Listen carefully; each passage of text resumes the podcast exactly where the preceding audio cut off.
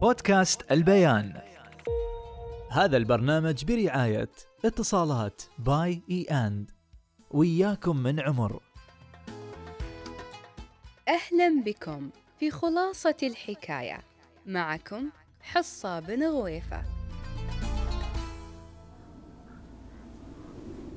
هل سمعتم من قبل عن ساعة الفيل؟ وهل سمعتم أنها أكثر دقة وإبهارا؟ رغم أنها تعود إلى العصور الوسطى في الفترة الذهبية للإسلام وتحديدا في القرن الثالث عشر للميلاد نعم إنها أكثر دقة وإبهارا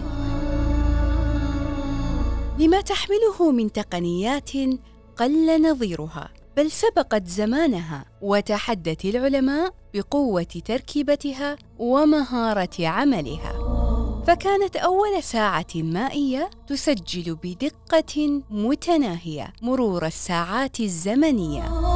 دعونا نقف عند من كان خلف هذا الابتكار الذي خلده التاريخ عبر إنشاء مجسمات له.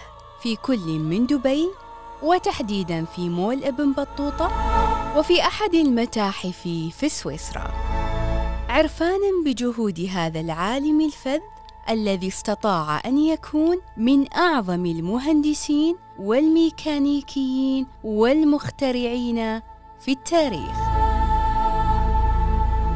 إنه بديع الزمان أبو العز بن إسماعيل بن الرزاز الجزري. الملقب بالجزري والمولود في منطقة جزيرة ابن عمر المطلة على نهر دجلة بتاريخ 1136 والمتوفى في العام 1206 حظي برعاية حكام ديار بكر من بني أرتق ودخل في خدمة ملوكهم لمدة 25 سنة.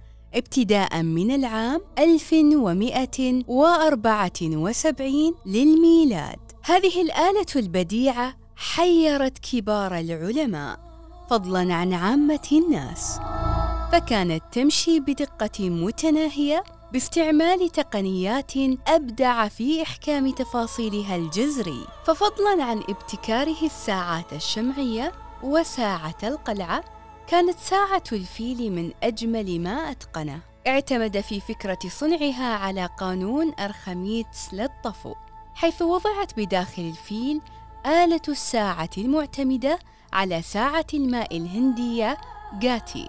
من خلال تواجد ثلاثين كرة مثقوبة تطفو بها وتمتلئ كل كرة بالماء خلال نصف ساعة فتسقط في فم التنين. بعد تحرك الشخص بمقدمة الساعة فيؤدي ذلك لتحرك قائد الفيل ليطرق على رأسه. بينما يغرد الطائر محدثا صوتا منبها كل نصف ساعة مع سقوط الكرة في الماء. جمع في هذه التقنية حضارات مختلفة فمن الهند أخذ الفيل وساعة الماء. بينما أخذ من مصر طائر النسر أو حورس.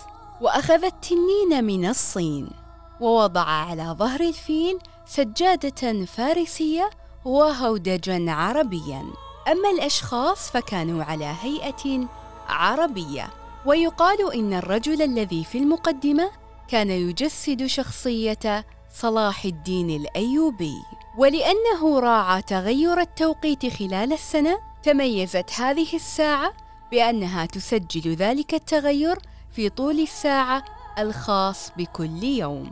ما يعني أن معدل التدفق يتغير يومياً ليتناسب مع الاختلاف في طول الأيام خلال السنة من خلال وجود دلوين علوي وسفلي. الأول متصل بآلية تحديد الوقت والسفلي متصل بمنظم عملية التدفق. هذا الابتكار لا يزال سابقا لزمانه رغم مرور قرون على ابتكاره.